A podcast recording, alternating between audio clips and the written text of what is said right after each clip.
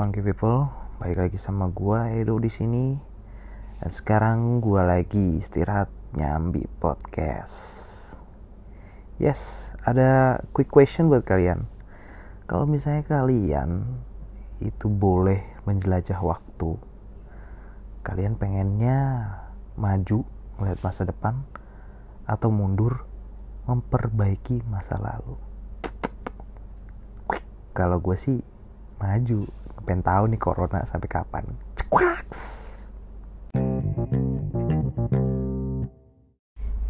yes jadi hari ini yang akan menjadi topik pembahasan di episode kali ini adalah mengenai masa lalu gua.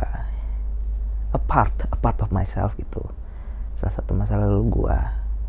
Karena menurut gue di saat-saat seperti ini di kondisi seperti ini memungkinkan paling enak sih untuk kita kayak mengevaluasi diri dan melihat nih apa aja yang udah kita pernah lakuin dulu dan berharap dan melakukan serta planning ke depannya kita mau ngapain sih? Gitu. Karena di menurut gue di waktu-waktu kayak gini sih waktu yang paling bener untuk bisa kita menjadi pribadi yang lebih baik sih. Melihat sesuatunya lebih lebih luas gitu lebih besar menjadi seorang yang lebih positif gitu. Karena kalau menurut gua misalnya kayak orang-orang yang sering banget lakuin kan resolusi tahun baru gitu. Gue nggak tahu sih siapa yang pertama ngebuat cuman resolusi tahun baru menurut gua cuman di omongan doang sih. Kalau itu menurut gue ya karena menurut gue uh, kenapa harus tunggu tahun baru gitu kan? Kayaknya lu lu bisa ngelakuin itu tuh kayak uh, besok gitu langsung lu bisa lakuin. Kayak misalnya uh, habis minggu ini atau hari ini gitu kan kayak sebenarnya lu tuh bisa gitu. Tapi kenapa harus tunggu tahun baru kayak kayak nggak tahu sih cuman mungkin ada yang berhasil gitu. Cuman maksud gua ya kenapa lu nggak lakuin itu sekarang atau besok itu cuman itu balik lagi sih ke pribadi masing-masing. Dan menurut gue juga perlu pemikiran yang panjang sih. Kalau misalnya lu pengen melakukan yang namanya resolusi gitu kan. Kalau misalnya lu pengen make it better ya lu harus evaluasi dengan matang gitu menurut gue sih. Dan menurut gue juga uh, apa ya di waktu-waktu kayak gini sih gitu. Paling pas ya karena lu nggak bisa ke mana-mana gitu loh bro.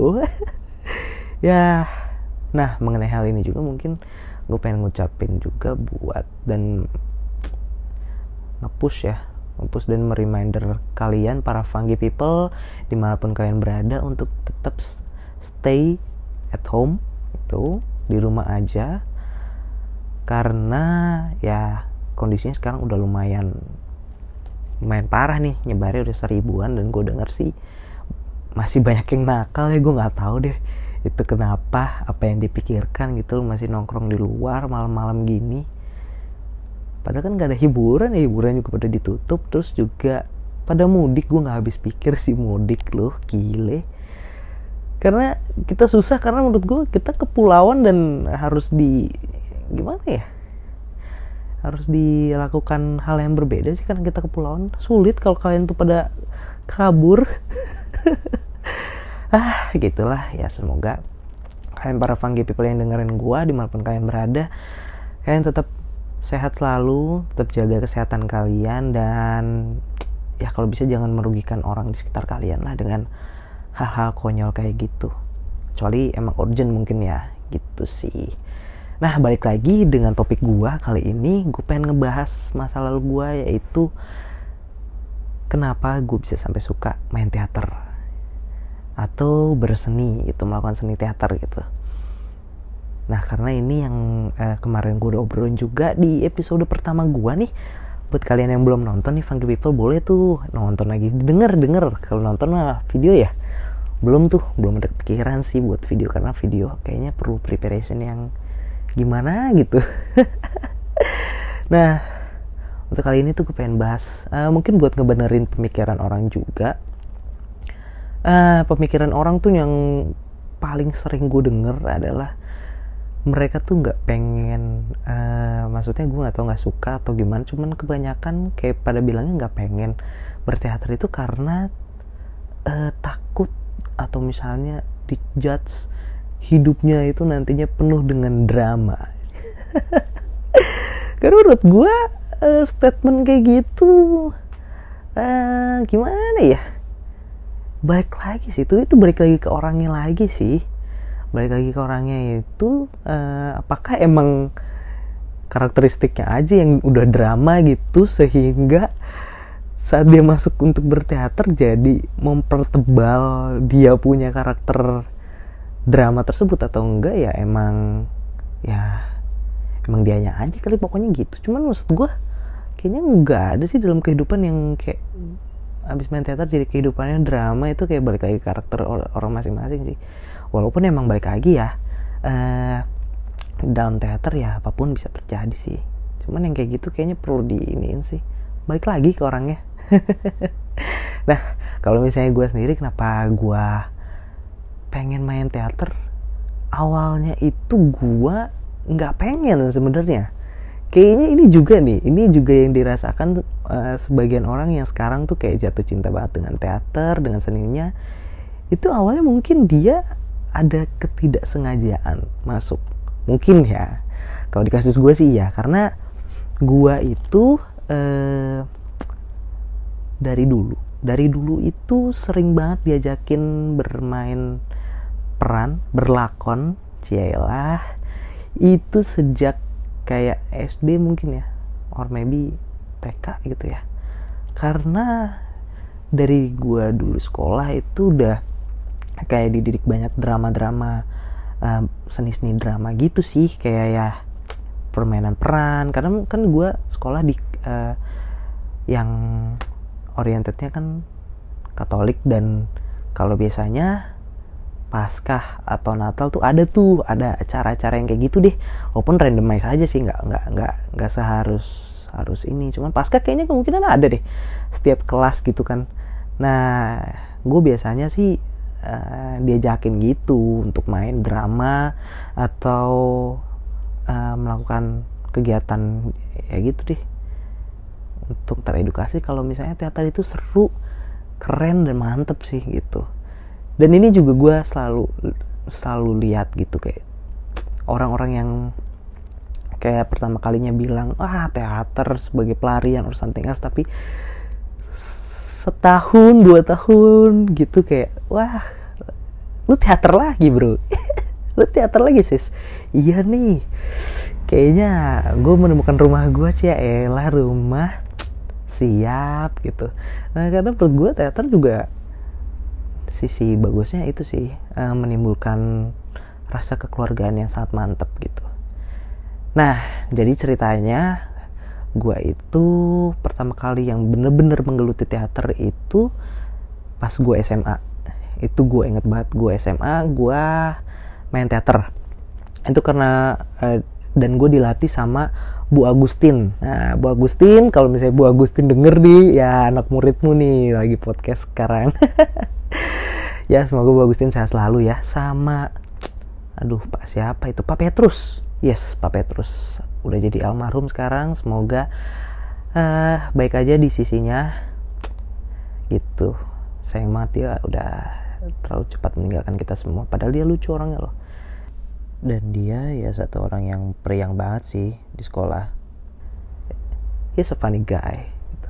nah awalnya mulanya emang dari mereka sih kayak gue ngeliat Pak Petrus dengan uh, cara dia ngomong dan cara dia ngajar gitu kan. Dia ngajar uh, kayak menanamkan nilai-nilai itu dengan kayak misalnya berteater terus cerita segala macam. Dan itu menurut gue kayak kok seru banget ya? Gue nggak tahu sih dari kecil gue mungkin sering seneng banget denger cerita gitu kan dengan uh, dengan ya lu menggunakan uh, nada terus dengan ber dialog yang gimana gitu terus dengan adegan. Gue itu kayak lebih ngena aja sih dan lebih lebih seru banget kalau misalnya tonton gitu. Gue gue suka banget sih ketimbang film gitu kayaknya lebih suka banget nonton secara live gitu itu pengalaman yang nggak bisa dilupakan karena lu doang tuh yang lihat. Kalau dia ngulangin lagi nggak mungkin bisa sama gitu.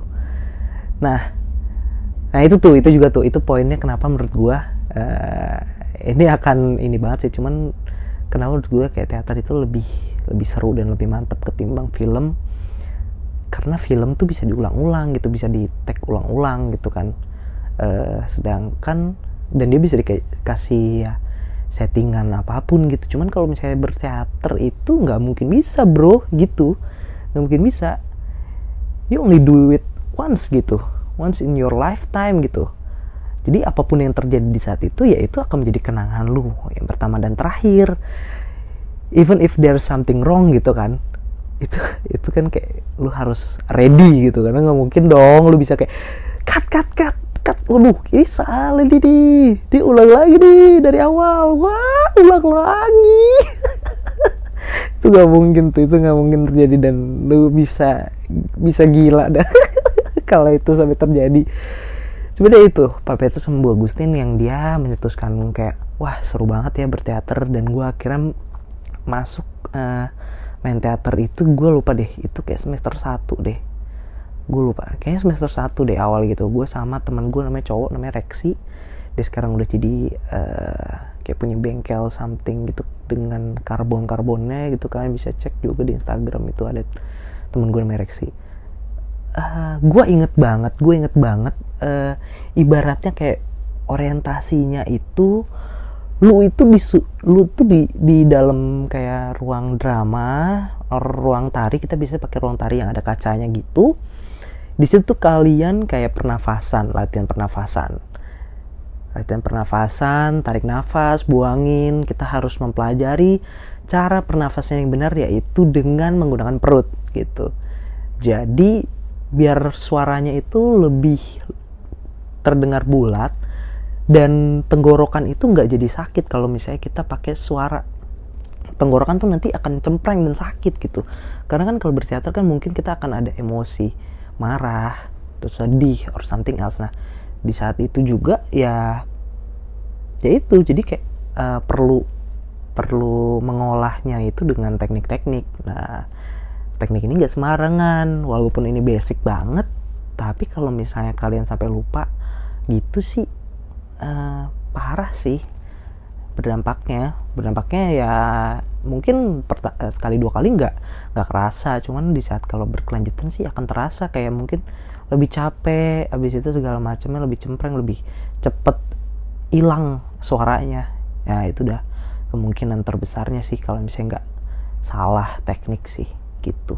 Nah jadi baik lagi di mana gue itu dikumpulin bareng gitu kan sama yang senior seniornya juga dikumpulin bareng abis itu kita kayak disetelin musik lagu yang instrumental gitu. Terus abis itu mereka berdua mulai kayak berbicara menginstruksikan uh, sesuatu gitu. Uh, jadi kayak uh, misalnya si Bu Agustin kayak bilang kan uh, ini anak-anak ya uh, tarik nafas keluarkan tarik nafas buang dari mulut. Terus abis itu di kayak suatu waktu ya bayangkan kayak di saatnya kalian lagi ada di mana gitu dengan situasi seperti apa. Nah dia tuh dia dia yang sistem kayak gitu tuh. Nah terus di suatu waktu itu dia kayak suruh nyuruh nih. Ini cuman buat yang uh, junior ya. Itu kayak disu dan kita kondisinya adalah kita merem. Gue inget banget kita semua disuruh merem kita duduk kita merem kita bersila terus habis itu di setelin lagu dan segala macam terus kita di, dibilang nih sekarang kalian teriak gitu. Keluarkan suara kalian gitu satu dua tiga. Nah di situ semua ada. Diem bos. Diem. Gue juga gak ngerti dah. Diem gitu. Diem. Semua orang nggak ada yang ngomong gitu. Diem. Terus kayak kita tuh kayak gue gak ngerti dah. Dia kayak apakah gue harus keluarin suara gue apa enggak? Apa gimana? Gitu. Itu pengalaman juga tuh. Kayak wah kok semua orang diam ya? Apa ini aku dijebak gitu kan.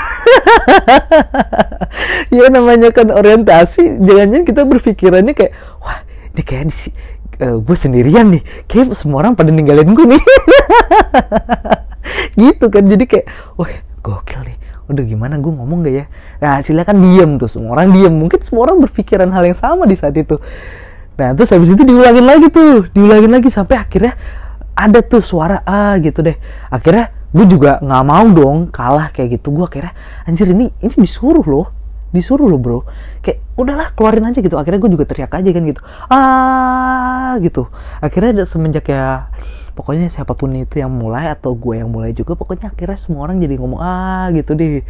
Gitu deh pokoknya. Jadi di situ kayak terus setelah itu disuruh lagi karena jeda waktunya. Jadi ceritanya kita akan disuruh diem dulu gitu kan. Diem relax lagi itu tuh kayak kita evaluasi diri gitu kayak dan ini masih kondisi masih merem gitu kan kayak anjir bener gak sih yang gue lakuin? Gitu kan kayak jangan-jangan gue baru hari pertama udah langsung di kick out lagi. Nggak lucu banget gitu bro. Gitu kan kata gue aduh tangan udah mulai berair gitu kan. Udah mulai kayak aduh salah kagak ya? Badan udah mulai kayak kok pegel gitu gitu dan terus akhirnya kayak uh, ya ternyata emang yang lu harus lakuin emang itu gitu loh. Terus akhirnya disuruh buka mata terus kayak kita kayak lihat-lihatan akhirnya gue sama si Rexy juga saling nanya-nanya gitu eh lu tadi teriak lu, lu kenapa gak teriak duluan? Gitu kan kayak kita saling saya menyalahkan dan segala macam. Cuman maksud gue uh, the end ya end ya ya gitu deh. Itu yang menurut gue pengalaman yang kayak wah seru banget ya ternyata. Ibaratnya tuh lu lu tuh harus percaya diri gitu loh. Bahkan gue yang sering ngomong aja maksud gue di depan di depan itu kayak presentasi itu kayak easy peasy lemon squeezy ya. Cuma maksud gue di saat lu bermain teater lu baru pertama kali hari pertama lu disuruh merem dan lu disuruh teriak rasa percaya dirinya tuh hilang gitu loh. Kayak apakah ini suatu hal yang benar gitu? Kayak dan dan dan dan gimana? Padahal lu disuruh gitu loh. Itu gue kayak wah gila sih. Gila sih ternyata. Ternyata uh, berteater itu nggak nggak semudah yang dibayangkan ya. Itu emang kayak ini tuh suatu hal yang baru dan suatu hal yang mantep sih kalau misalnya lu bisa pelajari gitu. Itu yang pertama. Dan dan semenjak saat itu gue kayak gile. Ini ini ekskul nih nggak ada nih orang yang tahu. Ternyata ini dahsyat banget ilmunya gitu. Di saat itu gue memutuskan untuk gue nggak pernah bolos. Gue akan datang on time. Gue nggak akan menyanyiakan semua ilmu yang pernah dikasih. Gue akan melakukan dengan sebaik-baiknya. Itu yang gue pikirin. Gue kayak udahlah gue lepas aja gitu. Apa pun yang terjadi pokoknya gue lepas aja. Mau itu gue disuruh nangis kayak mau itu disuruh apa pokoknya gue kayak lepas aja gitu. Itu deh. Apalagi uh, pokoknya ya nanti yang tulus lah ibaratnya gitu. Uh, karena karena di situ kayak di diajarkan sih gue kayak jadi misalnya yang pertama nih kayak misalnya waktu itu gue disuruh adegan nangis gitu. Cowok nangis bro. Ya kali gitu kan. Orang kan kayak kayak di capnya tuh cowok kan sesuatu yang perkasa yang gentle yang gimana gitu kayak alpha banget kan. Jadi nggak mungkin lalu kelihatan nangis di depan orang apalagi orangnya tuh lu nggak kenal gitu kan. Ngapain nangis? Dan kejadiannya tuh disuruh gitu kan. Kayak lu ngapain nangis? Nah cuman ada satu hal yang kayak menurut gue tuh uh, sangat mendalam sih kayak motivasi misalnya lu bisa buat nangis itu kayak lu harus munculkan motivasi-motivasi gitu. Gue tipikal orang yang mungkin nggak bisa nangis kalau misalnya ada orang tabrakan gitu nggak mungkin nangis. Cuman kalau misalnya ada sesuatu dengan keluarga gue gitu kayak itu akan kayak membekas gitu dan kita pasti punyalah hal yang membekas dalam keluarga kita dan kita bisa recall gitu. Nah, itu tekniknya tuh. Ya, biasanya orang tuh susah tuh nangis segala macem. Nah cara paling gampang adalah lu nge-recall lagi kejadian-kejadian yang pernah ada di masa lalu.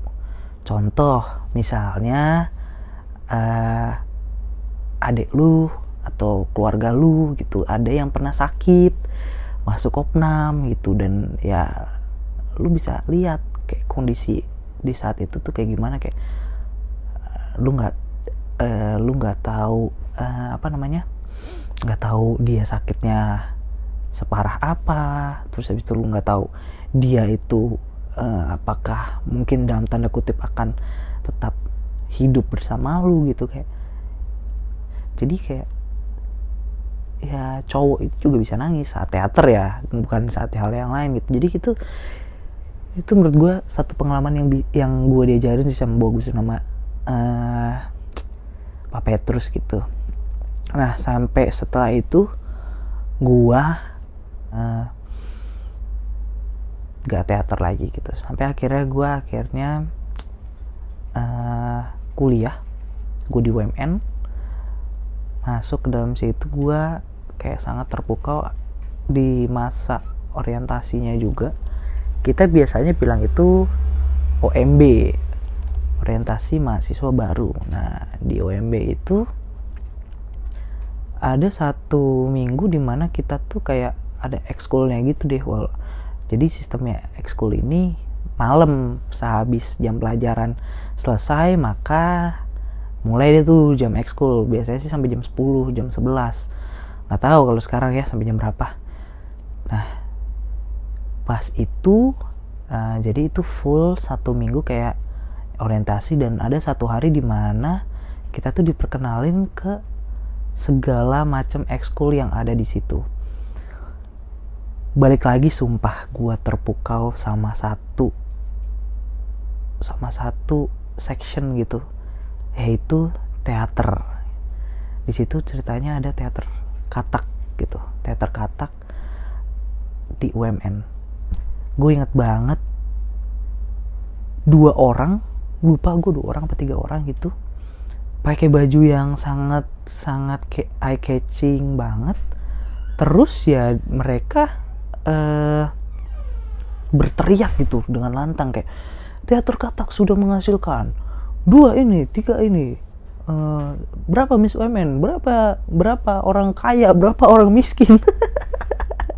Ya gitu cuma maksud gue uh, inti ceritanya kayak uh, kedua kedua orang ini gue lupa lagi uh, bang siapa ya.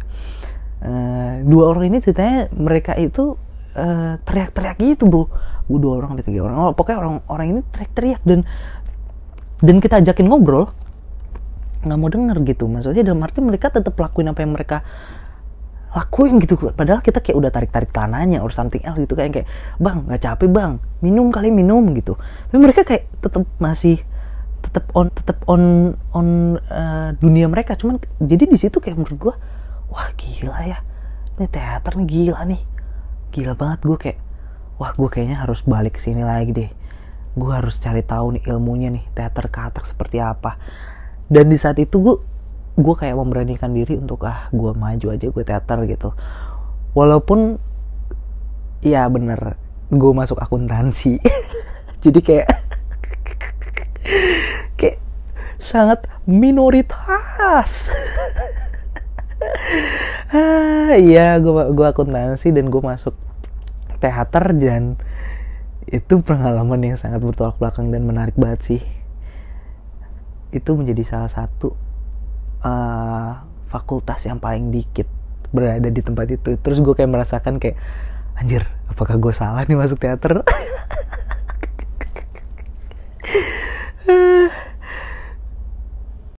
Mau tahu kelanjutannya? Didengerin di part kedua ya